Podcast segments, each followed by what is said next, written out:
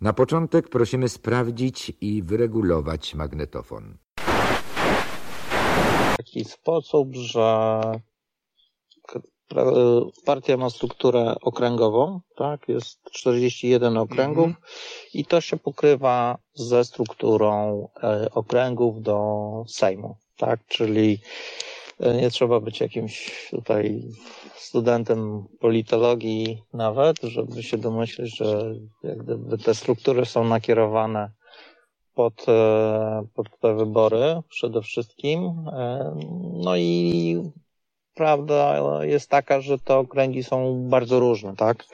E, I pod względem jakiejś tam swojej specyfiki, e, bo nie wiem, duże miasta są inne. Warszawa jest taka sama w sobie specyficzna, tak? Czyli ten okręg, gdzie ja jestem przewodniczącym.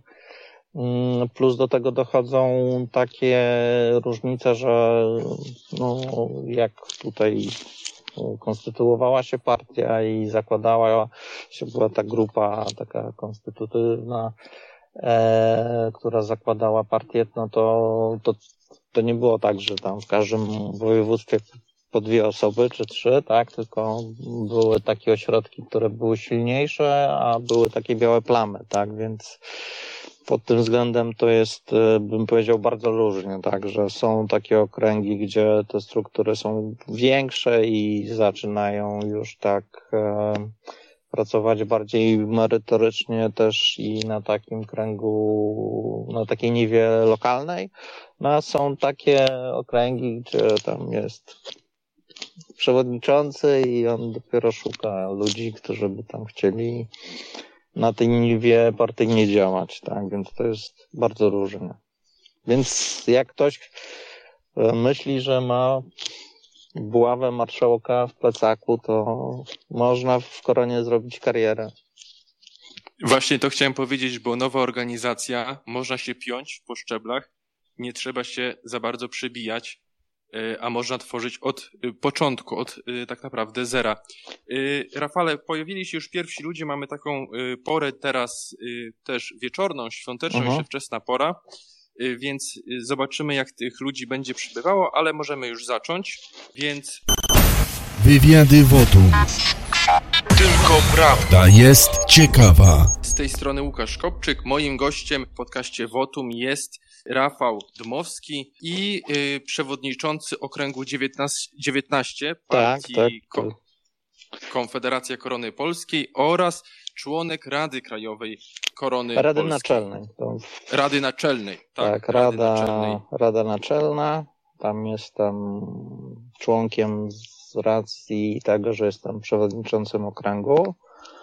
E, I oprócz tego jeszcze tam działam w biurze krajowym partii. Na czym polega Twoje działanie w takim razie w biurze krajowym partii? Jak to wygląda? E, Poznajmy kulisy. Jasne. E, jeżeli chodzi o tą działalność w biurze krajowym, no to jest taki, formalnie rzecz biorąc, to jest komórka, która wspomaga sekretarza generalnego w wykonywaniu jego obowiązków wynikających ze statutu. No jak sama nazwa wskazuje, sekretarz umie pisać, więc robi te wszystkie biurokratyczne i, i odpowiada za wszystkie, za całą biurokrację partyjną, tak, czyli wszystkie obowiązki, które wynikają z mocy ustawy o partiach politycznych. To po pierwsze. Po drugie, wszystkie rzeczy, które wynikają z, ze statutu partii. To po trzecie, plus zadań, które są postawione przez prezesa i przez e, biuro polityczne. E, ja pomagam głównie w obszarze mediowym, social mediów, aczkolwiek to już trochę mniej. Wcześniej tam byłem liderem tej części, teraz to już się troszeczkę rozbudowało i tam mam taki powiedzmy głos doradczy już w tym. Na szczęście tutaj młodsi ludzie mi zaczęli pomagać, więc jest coraz lepiej pod tym względem. E, to tak w skrócie bym powiedział tyle chyba. I to jest tak, że każdego dnia poświęcasz czas yy, na działania partii, bo ty jeszcze wspominałeś podczas naszej mhm. takiej rozmowy przed tą, przed tą rozmową, przed tym wywiadem, że y, zajmujesz się też innymi rzeczami. Więc jak to wygląda y, czasowo? Jak rozkładasz ten czas? Gospodarujesz Jasne. na rzecz partii, swoje prywatne sprawy, mhm. zawodowe? Jak, jak, to, jak to robisz? E, no, niestety to jest, e, bym powiedział, e, taka naj, największy problem, z którym się musi zmagać, powiedzmy, ta nazwijmy to tak, wolnościowa część opozycji w Polsce, mm, szeroko pojęta, e, dlatego że no, ja przede wszystkim muszę pracować zawodowo, żeby utrzymać siebie i swoją rodzinę. Te wszystkie rzeczy, które mm, wykonuję, no to jest taka działalność pro publico bono, za którą nie dostaję żadnych e, wynagrodzeń i de facto wszystkie koszty z, tym związane muszę też e, ze swoich prywatnych środków de facto e, e, pokryć.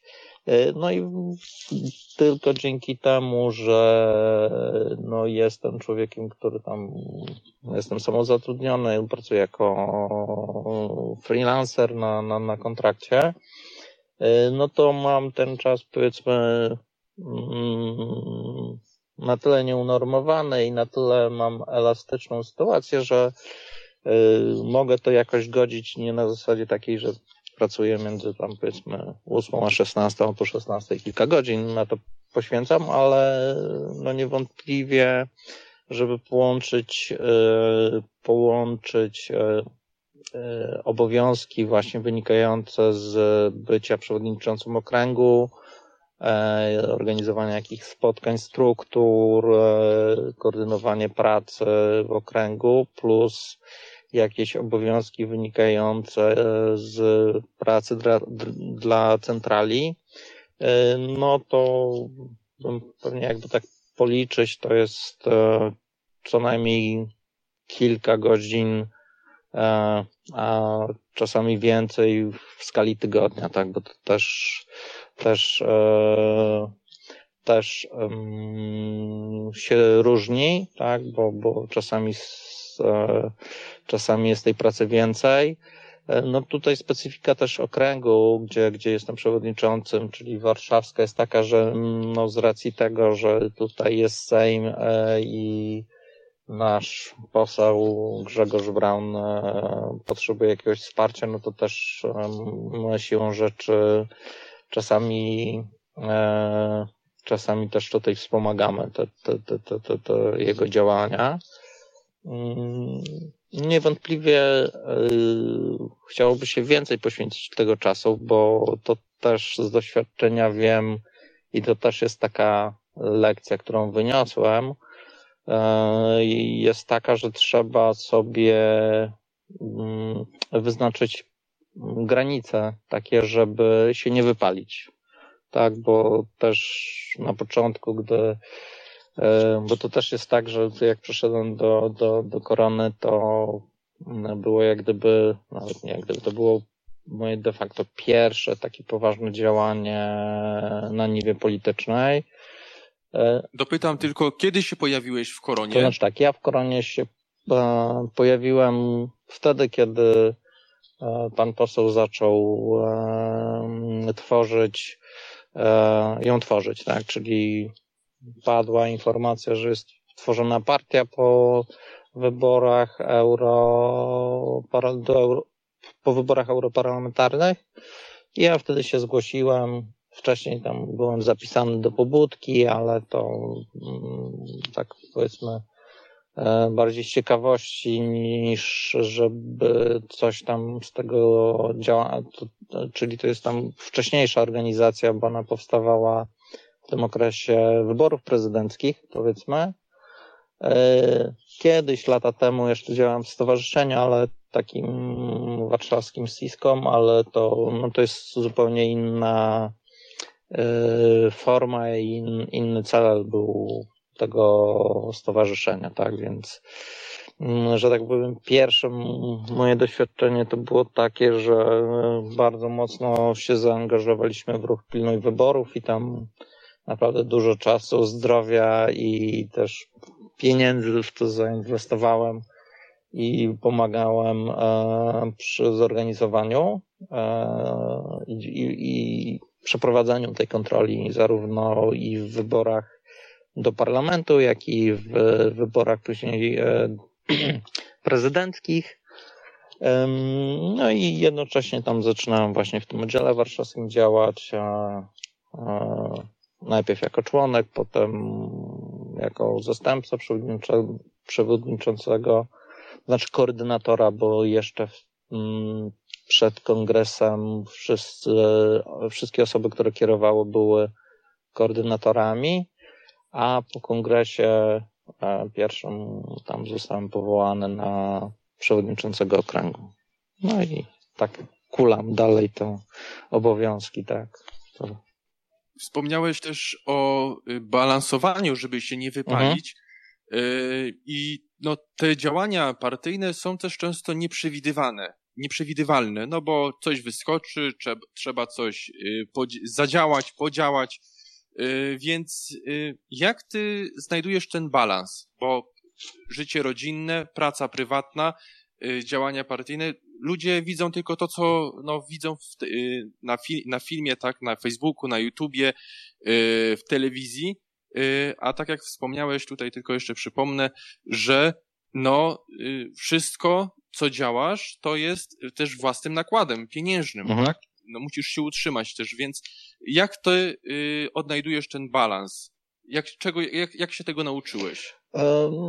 No to jest tak, e, w dużym skrócie doszedłem do takiej formuły, że e, po pierwsze muszę być zdrowy i, i, i wyspany, żeby móc coś skutecznie zrobić, tak? E, więc pierwsza zasada jest taka, że muszę tam te 5 czy 6 godzin się wyspać. Druga rzecz jest taka, że muszę w pracy, którą wykonuję zawodowo, być mm, tam nie może być żadnej obsuwy, dlatego że to jest źródło finansowania i to też musi być robione bez zarzutu. Musi być te rzeczy w ramach obowiązków stanu, tak, zadbane, no i to powoduje, że tej pracy takiej może być maksymalnie 2-3 godziny dziennie, tak naprawdę, mm, e, robione. No i to oznacza, że trzeba działać w taki sposób, e, żeby po pierwsze trzymać się tych limitów takich, e, o których powiedziałem, a po drugie trzeba sobie jasno zdefiniować cele do osiągnięcia, tak, że dzisiaj robimy to, nie wiem, dostaliśmy osoby, które, nie wiem, skontaktowały się, że chcą e, dołączyć do, do, do, do partii, no to dzisiaj jest ten dzień, kiedy ja biorę i dzwonię do nich, rozmawiam, informuję, jak działamy i tak dalej, tak. Następny dzień jest, nie wiem, trzeba jakieś pisma przygotować, to się tym zajmuję, tak. I, e, i to też zajmuję się takimi rzeczami, które w największym stopniu pomagają mi zrealizować e, tak jak należy te funkcje, które pełnię, tak, bo nauczyłem się, że tych problemów, które można by się zajmować, nawet 24 godziny, jakbym e, na to poświęcił, to i tak e, by było za mało czasu, więc muszę je wziąć i odpowiednio przebrać e, i odcedzić te, które w mojej ocenie pomogą mi jak najlepiej wypełnić moje obowiązki w, pierwszej kolejności. Tak, no to też niestety oznacza, że część rzeczy nie jest wykonywana, tak. No i to też e, trzeba zarządzić takimi konfliktami, żeby żeby, no bo to generalnie taka działalność partyjna to jest praca z ludźmi, tak? I jeżeli muszę wybrać spośród dwóch tematów, jeden, no to oznacza, że wybieram między jakimiś dwiema osobami, co najmniej, tak. Czasami jest za jednym tematem kilka osób. No i też wtedy mhm. trzeba tym zarządzić, bo e, te osoby, mm, tak, żeby nie były jakieś tam zawiedzione, żeby były poinformowane, żeby rozumiały, co się dzieje i tak dalej, i tak dalej, tak, bo no, tak jak mówią w życiu, że trzeba być miłym dla tych, których się mija w drodze na górze, bo jak się będzie szło w dół, to będą czekali na ciebie z nożami, tak, więc... To prawda, to prawda. Y, ja mam do ciebie jeszcze pytanie, bo wspomniałeś, y, że no czasami zdarza się tak, że no ktoś chce przystąpić do partii, musisz im to wszystko wytłumaczyć i tak dalej. Y, jak wygląda proces przystąpienia do partii? Bo to może być interesujące dla naszych słuchaczy. E, jasne. Jeżeli chodzi o koronę, to jest e, bardzo prosto. Dobrze jest e, przeczytać deklarację ideową. E, w naszym wypadku to jest tekst e, Konfederacji Gierczwałckiej. E, dobrze jest przeczytać program, który jest u nas na stronie, bo, wypadałoby się zgadzać z programem partii, do której chce się wstąpić. No i po trzecie, jeżeli ktoś to sobie dobrze przemyślał i nadal chce i przede wszystkim też polecałbym takie zastanowienie się, bo działalność w partii, no to, to często się spotykam i jak rozmawiam z tymi osobami, to pytam się, czy one są gotowe na to, że bez pytania ja będę wymagał od nich w godzinie wyborów, że zostaną wpisane na listę kandydatów, tak? No i czasami się zdarzają takie osoby, które nie są na to gotowe, więc e, jak się te wszystkie rzeczy roz, rozważy, no to wtedy i odpowie sobie pozytywnie na pytania takie e, tego typu, no to wtedy trzeba wejść na naszą stronę www.konfederacjakoronepolskiej.pl i tam jest deklaracja do wypełnienia online. No i trzeba odpowiedzieć na tam takie biurokratyczne pytania typu imię, nazwisko, jakieś umiejętności, trzeba zadeklarować składkę członkowską, którą się będzie płacić e, i po wypełnieniu tego komitet polityczny ocenia taką deklarację mm, i podejmuje decyzję, czy osoba jest przyjęta, czy nie jest, e, czy jest przyjęta. W chwili obecnej to chyba, bo kiedyś było tak, że można było być przyjętym albo na okres próbny, a chyba teraz e, nawet tak, na, na pewno teraz to wygląda tak, że wszyscy trafiają najpierw na ok, ten taki staż kandydacki i po jego zakończeniu to może być tam przedłużone w zależności jak ta współpraca wygląda, e, albo może być przyjęta osoba, albo może być decyzja, że jest nieprzyjęta po zakończeniu tego stażu kandydackiego. I też ja dopowiem, że y, nie można być członkiem, y, takie oświadczenie jest u Was, y, że się oświadcza, że się nie było funkcjonariuszem lub tajnym współpracownikiem Urzędu Bezpieczeństwa Publicznego, Ministerstwa Bezpieczeństwa Publicznego i Służby Bezpieczeństwa MSW, WSI i tak dalej. Więc tutaj współpracowników tajnych służb nie chcecie? E, no powiem tak. E, no, czy e, pan Grzegorz dosyć jasno deklarował swój, bym powiedział, antykomunizm. To myślę, że to jest tak dosyć e, chyba dobrze, do, do, dobrze pasuje do tego i w związku z tym tak. w nasz w statusie, w statucie partii rzeczywiście jest e, jest e, taki punkt.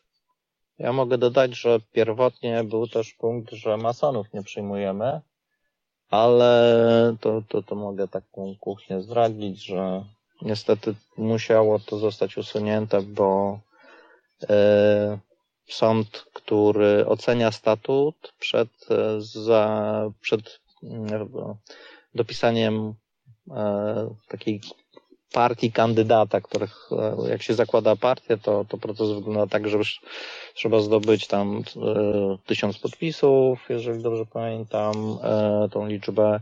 Trzeba dostarczyć właśnie statut, jakieś dokumenty związane z osobami, które zakładają partię i e, sąd to potem weryfikuje, czy to jest zgodne z przepisami, o, głównie o ustawie o partiach politycznych. No i tam się różnych rzeczy dopatrzył w tym naszym statucie. Musieliśmy tam trochę zmian e, zrobić. Na przykład nie spodobała mu się, żeby na, skrótem nazwy partii była Korona, na przykład e, i tam.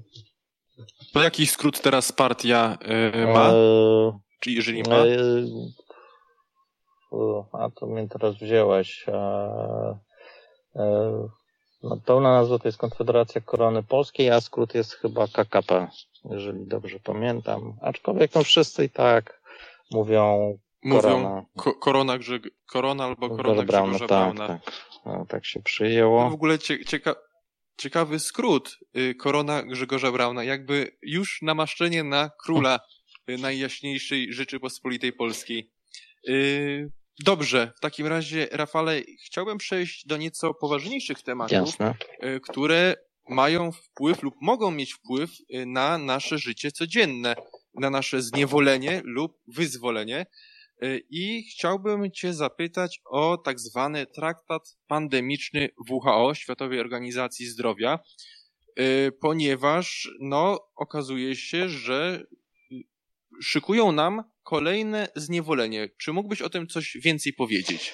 E, tak. E, generalnie e, o co chodzi? E, pewnie wszyscy wiedzą, co to jest Światowa Organizacja Zdrowia. Tak, dzięki pandemii chyba stała się najbardziej znaną agendą ONZ, nawet bardziej chyba niż UNESCO, które do tej pory chyba było takim najbardziej rozpoznawalnym brandem, jeżeli chodzi o ONZ. No to, więc myślę, że tutaj nie będę opowiadał o co chodzi. Generalnie e, ta organizacja e, prowadzi pracę nad e, propozycją traktatu, który będzie dotyczył koordynacji walki z pandemiami na poziomie międzynarodowym, tak? E, I samo w sobie to by nie było być może jakoś niepokojące, ale e, z racji tego, że jesteśmy w trakcie takiej pandemii, wszyscy widzieliśmy na własne oczy, jak wygląda, e, wygląda w wydaniu takiego nowoczesnego, e, liberalno-demokratycznego rządu, na przykład w Kanadzie, Australii, Nowej Zelandii. To chyba są takie najbardziej wstrząsające przykłady jak potrafi wyglądać walka z pandemią, tak? czyli totalny zamordyzm, kontrola, ograniczenie no, bezprecedensowe. Wypisz, wymaluj jeden do jednego, jakby się czytało książki typu, nie wiem, Folwark Zwierzęcy albo 1984 rok. Więc e, trzeba, e, mając to w głowie, e,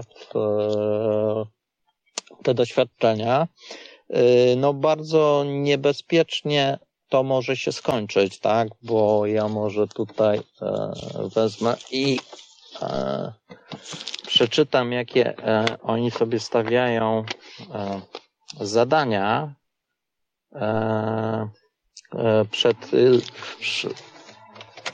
jakie stawiają zadania przed, przed cele przed tym traktatem, tak? To jest tak. Globalne monitorowanie ryzyk pandemicznych podczas, poprzez wzmacnianie kolaboracji między centrami badawczymi oraz lepsze ko koordynację międzynarodowego finansowania kluczowych centrów, tak? E, poprawa komunikacji, poprawienie komunikacji o zagrożeniach zdrowotnych, wykorzystanie technologii cyfrowych, aby zwiększyć transparentność i e, słuszność restrykcji działań związanych ze zdrowiem. E, poprawa dostępu do zasobów i usług zdrowotnych, gromadzenie zapasów produktów medycznych, możliwość rozlokowania międzynarodowych zespołów medycznych na miejscu. E, globalne podejście do e, wynajdywania rozwiązań medycznych, dzielenie się próbkami biologicznymi, e, danymi genetycznymi, etc. w celu przygotowania się na globalne pandemie. Łatwiejszy i szybszy dostęp do szczepionek, leków, diagnostyki, lepsza implementacja polityki zdrowotnej, na przykład poprzez silne mechanizmy raportowania na poziomie krajów, utrzymywania ocen E, zewnętrznych, działania kontynuujące, e, odbudowa zaufania. Czyli. Wejdę mhm. ci słowo, czyli całkowita kontrola yy, tak naprawdę z każdej strony, bo nawet badania genetyczne będą mieć yy, lub mogą mieć genom człowieka, y, i z tym mogą zrobić cokolwiek. No to już de facto, jak się okazało, dzieje się w tym momencie, bo przecież przypomnijmy sobie, że na przykład, nie to jest taki mało znany fakt, ale na przykład Secret Service amerykańskie, czyli to jest służba odpowiedzialna za mm, bezpośrednią ochronę prezydenta Stanów Zjednoczonych, e, w miejscach, w których e, pan prezydent amerykański nie śpi, tak, w jakimś hotelu, gdzie, nie wiem, przyjeżdża do Polski, no to mieszka w Mariocie, tak, bo tam jest taka tradycja, to oni na przykład całą pościel, którą on e, używał, zabierają ze sobą. Po to, żeby ograniczyć możliwość zebrania materiału genetycznego prezydenta, bo to może być użyte E, przeciwko właśnie Stanom Zjednoczonym, tak? Tak samo z, wydaje mi się, że była taka sytuacja, że chyba prezydent Macron odmówił wykonania testu tego na obecność COVID-u, tłumacząc się tym, że przecież te e, próbki są e,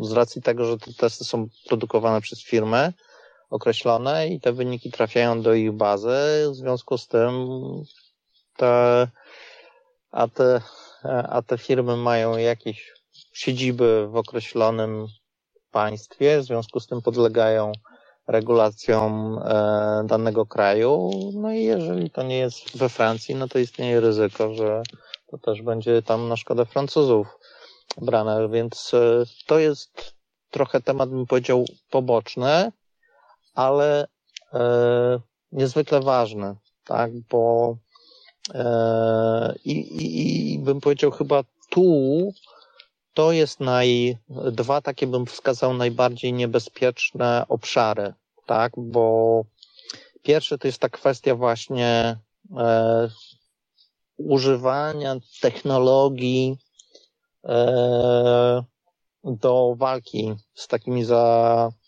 E, zagrożeniami, bo no tutaj nasze doświadczenia z paszportem covidowym, tak to wprost powiedzmy, no pokazują, że to może być e, bardzo groźne narzędzie, tak, bo e, wystarczy spowodować, że ludzie będą tego używali, tak, a teraz praktycznie no, Myślę, że każda osoba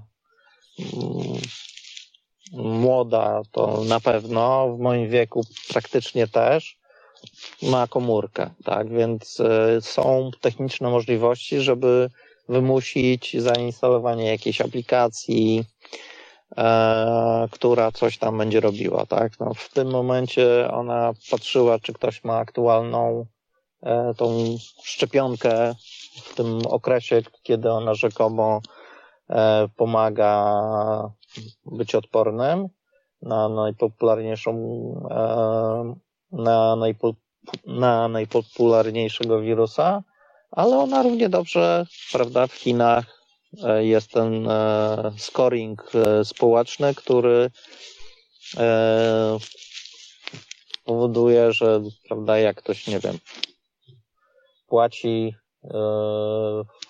spore podatki, to może jeździć pierwszą klasą, a jak ma problemy z, z parkowaniem i ma za to jakieś tam mandaty, no to, no to może nie, tak, i E, bym powiedział, że to jest taka płaszczyzna, na którą trzeba być bardzo w, e, wyczulonym. A druga, która tam jest, no to mm, przynajmniej w tych punktach, które proponuje WHO, jest to, żeby, żeby w momencie, kiedy wybucha pandemia, też pamiętajmy, że całkiem niedawno zmieniła się definicja pandemii, a właśnie z takiej, że trochę nazwijmy to tak kolokwialnie, wcześniej to było tak, że muszą ludzie umierać, taka dżuma musi być, no a teraz to się zmieniło na to, że musi być w kilku krajach i musi być za, zakaźna, tak, no więc e, ta definicja stała się taka bardziej elastyczna i mm, dużo rzeczy zaczęło podpa- podpadać pod tą definicję. I teraz e, WHO proponuje, aby być takim e, ciałem, które w, w, w momencie, kiedy pandemia wybucha, ona przejmuje ster i, i zaczyna koordynować te działania, tak?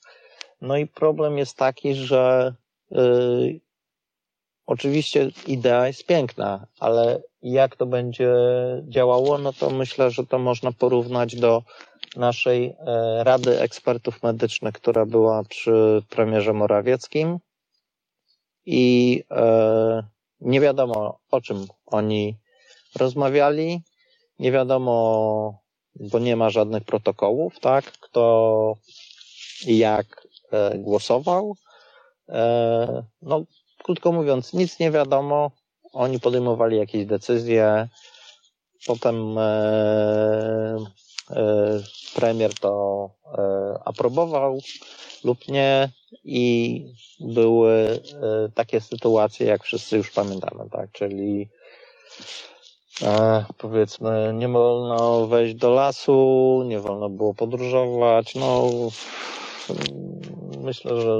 Pełen, zamordy, pełen zamordyzm, jednym słowem. A i tak trzeba pamiętać, że u nas to jednak, e, no może to nie było jak na Białorusi, gdzie, gdzie, gdzie tam Baćka powiedział, że tam szklankę spirytusu i do roboty, e, ale no na pewno też nie było to w takim stylu, bym powiedział, kanadyjskim czy australijskim, tak, na szczęście.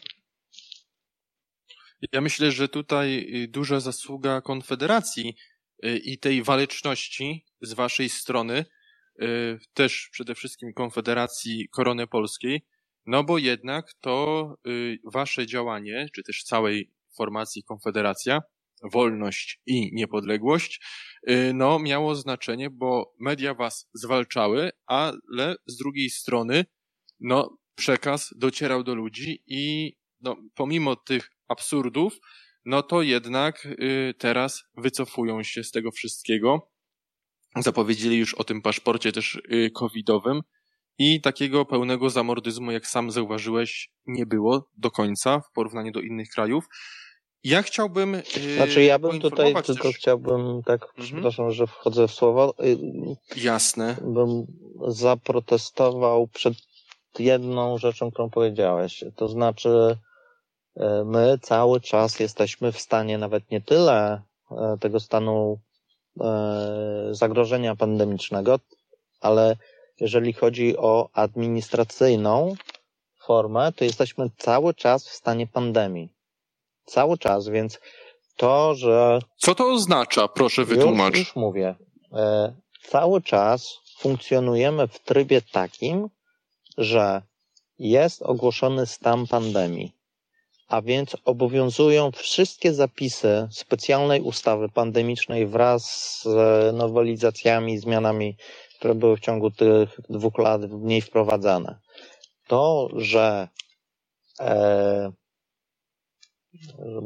ładnie, tak odpowiednio odpowiedział, to, że mamy teraz wakacje, to znaczy no wakacje jeszcze nie, ale mamy, e, skończyła się zima, kończy się sezon grypowy, w związku z tym również tych zachorowań jest mniej, plus w lutym zaczęła się wojna na Ukrainie i to, mm, bym powiedział, skradło narrację medialną, to nie znaczy, że skończyły się tematy e, związane z zamordyzmem e, tym pandemicznym. Nic, nic z tych rzeczy. Jedyne co, to e, zostały, mm, zostały wycofane te najbardziej oczywiste rzeczy, tak, czyli maseczki plus dystans, tak? E, nikt nas tam nie bierze i nie, i to też nie wszędzie, bo przecież przynajmniej teoretycznie, jak wchodzimy do apteki, to powinniśmy. Idziemy do, do dentysty, to powinniśmy założyć maseczkę. Idziemy do szpitala, do przychodni, do wszelkiego rodzaju lekarza, powinniśmy wchodzić i zakładać maseczkę. Tak, więc to jest taki najbardziej, najbardziej e, widoczny dla zwykłych ludzi, ale pamiętajmy, że cały czas obowiązują przepisy, na których praktycznie dowolnej porze wojewoda może ludziom e, zabierać majątek, zabierać, e, nie wiem, na, na, na cel walki pojazdy i tak dalej, tak? No to, że to nie jest robione, e, to jest tylko że nie ma takiej e, potrzeby, ale te mechanizmy prawne są, e, są cały czas e, w takim trybie, no ja bym powiedział on, tak?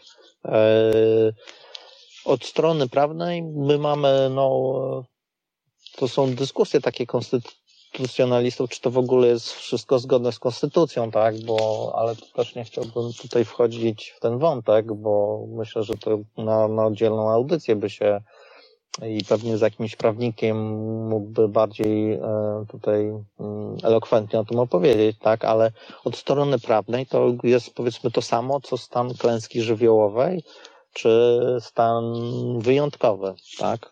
No, tam są różnice oczywiście, no i gdyby rząd, e, no pierwsza różnica jest taka, że ten stan pandemii nie ma, e, nie ma e, terminu, tak? Stany wyjątkowe, te konstytucyjne, mają to do siebie, że one po pierwsze, po pierwsze mm, są na określony okres czasu, więc e, no nie można przy stanu wyjątkowego w nieskończoność, tak? I rząd, gdy były te problemy na białoruskiej e, granicy, wprowadził lokalnie stan wyjątkowy w związku z tym, to wprowadzał na określony okres czasu, tak? Ten czas minął i stan wyjątkowy się skończył. A tutaj cały czas jesteśmy w tej E, w tym trybie i jak tylko będzie taka potrzeba, to minister Niedzielski w czwartek na konferencji prasowej wystąpi i powie, że od piątku rana znowu lasy są zamknięte albo co tam sobie. Bardzo dobrze, bardzo dobrze, że o tym mówisz, bo no, te maski jednak y, no, w taki wprowadzały nastrój pandemiczny. Teraz masek nie ma, dystansu nie ma i no sam temu uległem. Y, pomyślałem, jak i ludzie też myślą, że y, już jest wszystko jak po dawnemu. Ja chciałbym poinformować słuchaczy, jeżeli ktoś chciałby zabrać głos, zadać pytanie działaczowi, politykowi Konfederacji Korony Polskiej, to proszę podnosić rękę, będę udzielał głosu. Nadajemy do 20.30, a ja mam do ciebie kolejne pytanie. Mhm. Y, drogi Rafale, ponieważ y, Grzegorz Braun jest cały czas tak naprawdę atakowany. Y, zostało mu odebrane uposażenie chyba w połowie i będzie musiał cierpieć, że tak to ujmę nawet, ponosić konsekwencje decyzji marszałek Witek do 2024 roku. Yy, powiedz proszę, jak nastawienie Grzegorza Brauna do tej całej sytuacji? E, no powiem tak, przyznam się, że nie rozmawiałem z nim na ten temat, tak, więc tu będzie moja czysta spekulacja na tyle, na ile ja go mogłem poznać i jaki to jest typ człowieka. No to jedno można powiedzieć, to jest, e, znaczy pamiętam taką sytuację, była jeszcze w tym okresie, kiedy właśnie mm, on był regularnie usuwany z sali i była taka sytuacja chyba za drugim albo za trzecim razem, kiedy on znowu przyszedł bez maseczki i pani Witek go tam ostrzegła i zeszła i potem rozmawiała z nim. To, e, była taka charakterystyczna sytuacja, tak, że ona ostrzegła, wyłączyła mikrofon, zeszła z miejsca marszałka i rozmawiała z nim przez chwilę, no a potem poleciało to już standardowym trybem, tak. E,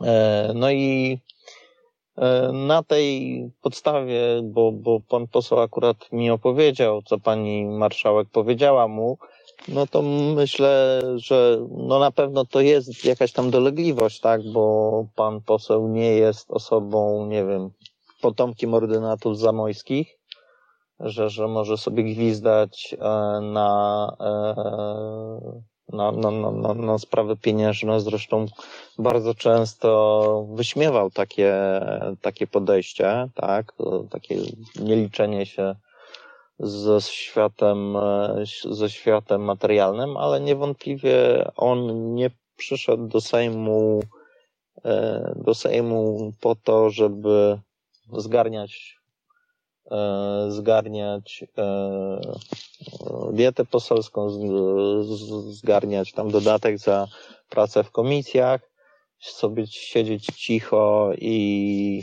mm, że tak powiem, komentować to z jakiejś tam wygodnej pozycji, mądrej głowy, tylko no to jest taka osoba, która wie po co poszła, e, jasno, jasno mówi to, co, to, co myśli, no i wydaje mi się, że ludzie to doceniają i chyba ten efekt tej zrzutki, która została w pewnym momencie e, ogłoszona, E, I to też tutaj mogę powiedzieć, że ona praktycznie cała ma być przeznaczona na pracę e, tego zespołu, który nazwijmy to projektem Norymberga 2.0. Tak?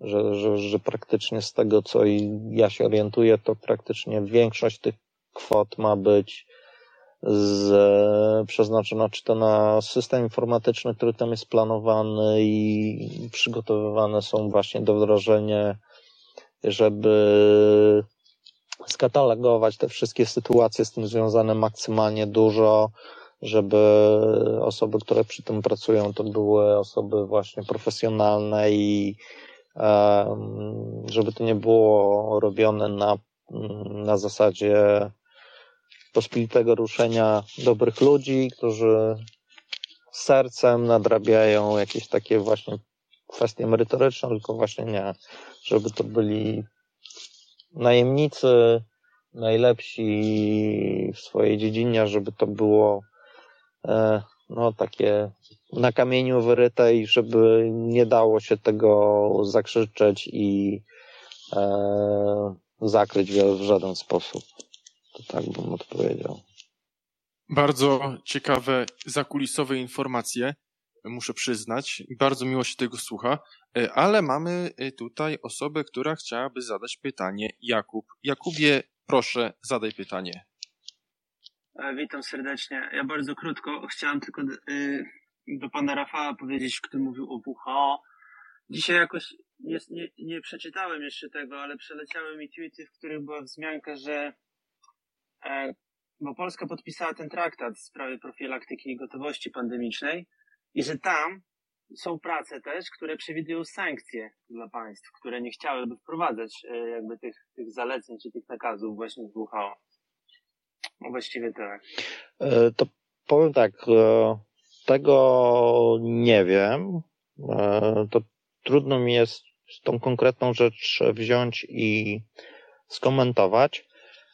To, co mogę powiedzieć, bo jako tam patentowany specjalista od stosunków międzynarodowych z dyplomem, e, no to e, na pewno jest tak, że e, jeżeli chodzi o prawo międzynarodowe, bo to trzeba też dobrze rozumieć, bo często się używa prawo międzynarodowe coś tam każe, prawo międzynarodowe czegoś zabrania i tak dalej musimy zrozumieć, że póki co jeszcze na niwie właśnie teorii prawa międzynarodowego państwo nic nie musi.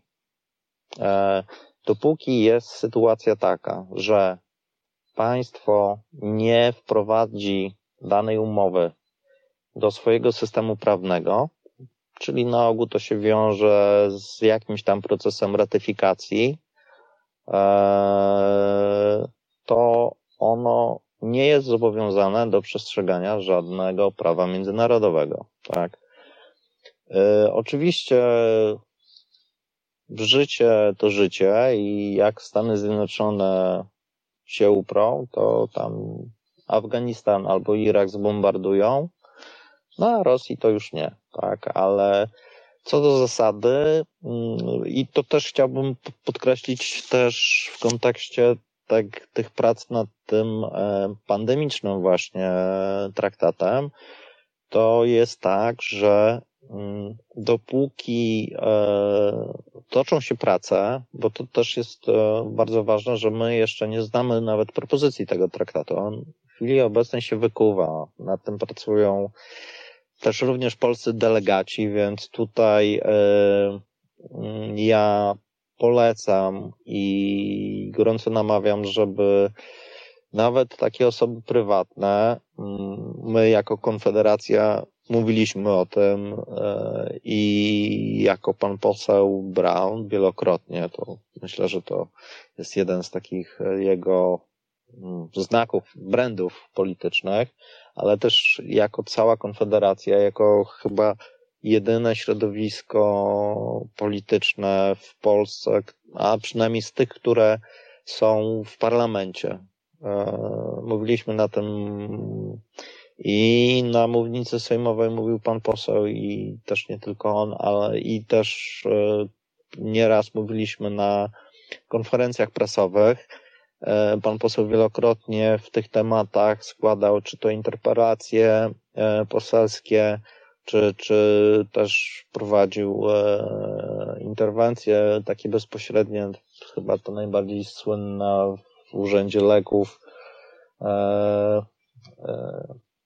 Więc e, a wracając do, do, do, do tego traktatu, no państwa po pierwsze biorą zawsze udział w pracach nad traktatami, a jeżeli nawet nie, bo czasami tak jest, że jakaś grupa inicjatywna państw bierze i traktat wymyśla, a potem jakieś pozostałe państwa do niego dołączają, to jest tak, że one nie, da, nie dołączają do umowy, której nie znają, a jeżeli dołączają, no to jest to w jakimś trybie i można domniemywać, że y, robią to suwerennie, tak, no to, tutaj e, byśmy musieli się tam pod, e, podeprzeć e, teorią właśnie prawa międzynarodowego, co to jest suwerenność i tak dalej, ale co do zasady to jest tak, że też z każdej umowy państwo może wystąpić, tak, można wystąpić z ONZ-u, można wystąpić z Unii Europejskiej, tak, Wielka Brytania wystąpiła, świat się nie zawalił, więc nawet jeżeli jeżeli, e, jeżeli coś się podpisało i do czegoś się zobowiązywało, to z każdego traktatu zawsze można wystąpić, przynajmniej formalnie. E, I tutaj to, co ja mogę doradzić, no to trzeba mądrze wybierać posłów, mądrze głosować, e, patrzeć na ręce, na ręce władzy No i też, bo posłowie, czy generalnie politycy sprawujący urzędy, trzeba ich no, molestować, tak? To jest myślę, że dobre, dobre słowo które, które mm, tak oddaje kwintesencję tego, co trzeba robić, tak? Trzeba siedzieć nad tymi politykami, chodzić do ich e, biur poselskich, zasypywać ich zapytaniami, e, bo wtedy jest tak, że oni czują taką presję, tak? Czują presję i nawet jeżeli jest jakiś tam prikaz odgórny, że naczelnik ma wizję fix, no to e, no wszyscy pamiętamy to, jak była słynna piątka dla zwierząt, a my mówiliśmy piątka przeciwko rolnikom.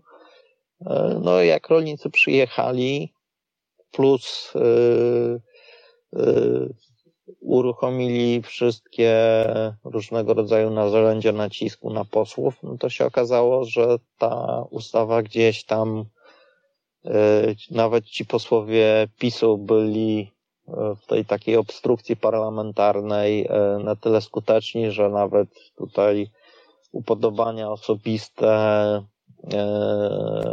naczelnika Kaczyńskiego, no nawet on nie był omnipotentny, żeby to wymusić na swoich posłach, żeby to wprowadzić. Tak więc no brutalna prawda jest taka, że póki rządzi PiS, to PiS się boi tego, że straci władzę. To jest partia typowo taka, mm, e, typowa partia władzy, chce, chce rządzić, te, te, te piękne idee, które, które mówi na konferencjach prasowych, to, to, to, to, to już jak widzimy po efektach pracy, jak, jakby były takie na przykład kwestia Ukrainy. Gdyby u nas były takie nastroje jak na Węgrzech, to PiS by nie przyjmował e, uchodźców w taki sposób, e, jak teraz przyjmuje, tak. Nastroje u nas są mocno antyrosyjskie e, i jednoznacznie po, proukraińskie i PiS dlatego prowadzi taką politykę w mojej ocenie. Tak, tak bym jeszcze Krzysztof y, się zgłasza. Chciałby mhm. zadać pytanie. To proszę. nasze ostatnie pytanie. Krzysztofie, zapraszam. E, dzień dobry. Dobry wieczór. Szkoda, że jest taki krótki blok. E, dobry wieczór. Jest taki krótki blok e, pytań i ja pozwolę sobie zadać trzy krótkie pytania. Jaki tryb ratyfikacji należałoby przyjąć w przypadku tego traktatu WHO? Czy to by była ratyfikacja mała, duża czy wielka? E, to pytam się jako, kieruję to pytanie do, do Pana jako specjalisty od stosunków e, międzynarodowych. E, kolejne pytanie, czy możemy wypowiedzieć umowę o zasobach własnych Unii Europejskiej, nie naruszając traktatów i, mm, i czy musimy w związku z tym z Unii Europejskiej wyjść, czy po prostu możemy tę umowę jako suwerenne państwo po prostu wypowiedzieć. E, z rocznym oczywiście tam e, trybem notyfikacji wypowiedzenia e, tejże umowy. I trzecie pytanie, czy, czy na podstawie na podstawie takiego założenia, że zniszczenie Warszawy zostało dokonane rozkazem cywilnym Himmlera, można przyjąć, że nie podpada pod, pod Reparacje wojenne. Tutaj przypomnę, że Warszawę e, zniszczono e, już po zaprzestaniu walk, które toczyły się wobec poddanego powstania warszawskiego. Dziękuję bardzo. Mhm. To znaczy tak, jeżeli chodzi o pierwsze pytanie, no to powiem tak. E, wydaje mi się, że tutaj forma tej ratyfikacji jeszcze nie jest przesądzona, dlatego że mm, nawet nie zna treść, tak, więc nie będzie trudno powiedzieć, e, jaka będzie ranga, tak, e, tego dokumentu w świetle prawa międzynarodowego, więc trudno to zakładać, tak, bo w zależności, czy to będzie traktat, czy, czy, czy umowa, czy, czy, czy jakaś inna forma przewidziana, no to wtedy e, od tego będzie zależało ten tryb, tak? E, jeżeli chodzi o drugie pytanie, to przyznam się, że no tutaj może te, to zbytnio za, zabrzmiało mm, tak buńczucznie z mojej strony. Chodziło oczywiście o to, że skończyłem studia o tym profilu, ale i orientuję się e, generalnie jak e, sprawy międzynarodowe funkcjonują, ale w tym konkretnym przypadku trudno mi jest powiedzieć, bo no bo nie wiem. E, niewątpliwie, niewątpliwie jest tak, że część, część tych umów dookoła Unii Europejskiej spokojnie można wypowiedzieć, bo na przykład e, nie wszystkie państwa Unii Europejskiej e, są w strefie Schengen, tak, a też są w niej kraje, które w, w Unii Europejskiej nie są, prawda, typu Szwajcaria, Wielka Brytania nie była, nie była w strefie Schengen, więc e, może być tak, że z tej umowy możemy wystąpić być może bez wychodzenia z Unii Europejskiej? Dokładnie, merytorycznie nie umiem odpowiedzieć, ale też przyznam się, że w mojej ocenie nasz udział w Unii Europejskiej jest niekorzystny i na pewno powinniśmy co najmniej zmienić politykę e, względem Unii Europejskiej na bardziej e, stanowczą i suwerenną. A jeżeli chodzi o trzecie pytanie, no to powiem tak. E, na pewno Warszawa w dużej mierze została zniszczona w trakcie powstania. W pewnym momencie alianci ogłosili Armię Krajową jako część wojsk alianckich i żołnierzy w związku z tym zyskali statów kombatanckich, więc tutaj na pewno nie można powiedzieć, że Warszawa została zniszczona e, tylko i w całości po zakończeniu, co, w dużej mierze rzeczywiście tak było, ale też przecież e, Warszawa i ucierpiała w czasie kampanii wrześniowej, e, no i też w, w okresie właśnie powstania, kiedy ono trwało. E, to jest jedna rzecz.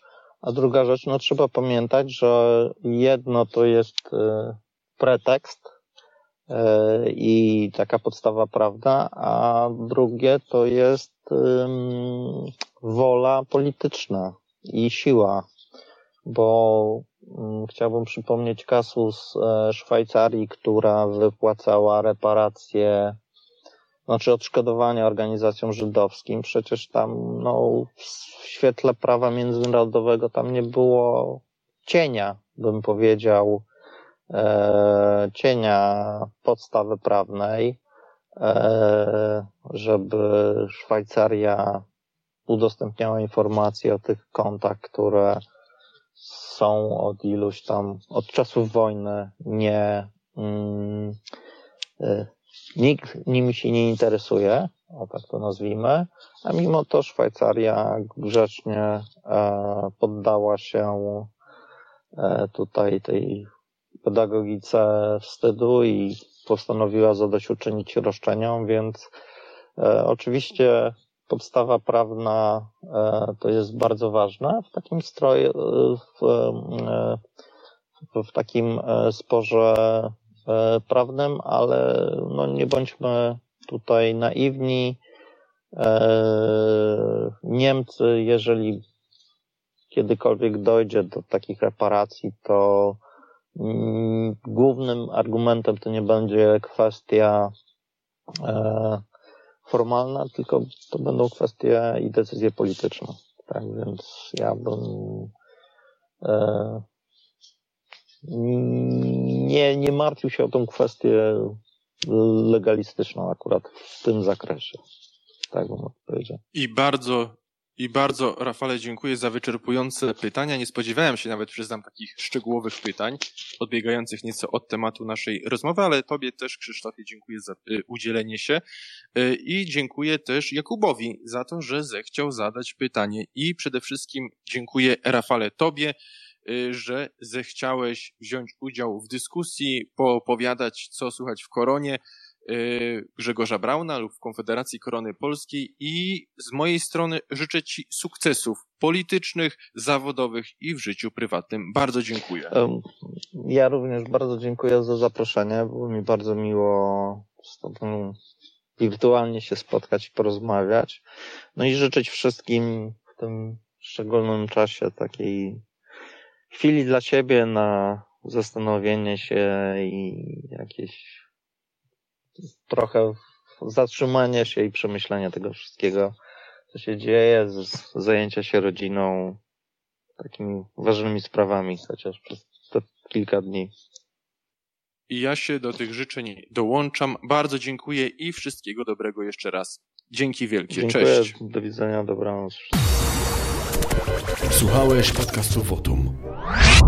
Jeżeli nie chcesz przegapić kolejnego wywiadu, Obserwuj nas na Spotify lub na innych platformach podcastowych. polub nasz fanpage na Facebooku. Subskrybuj kanał Wotum na YouTubie.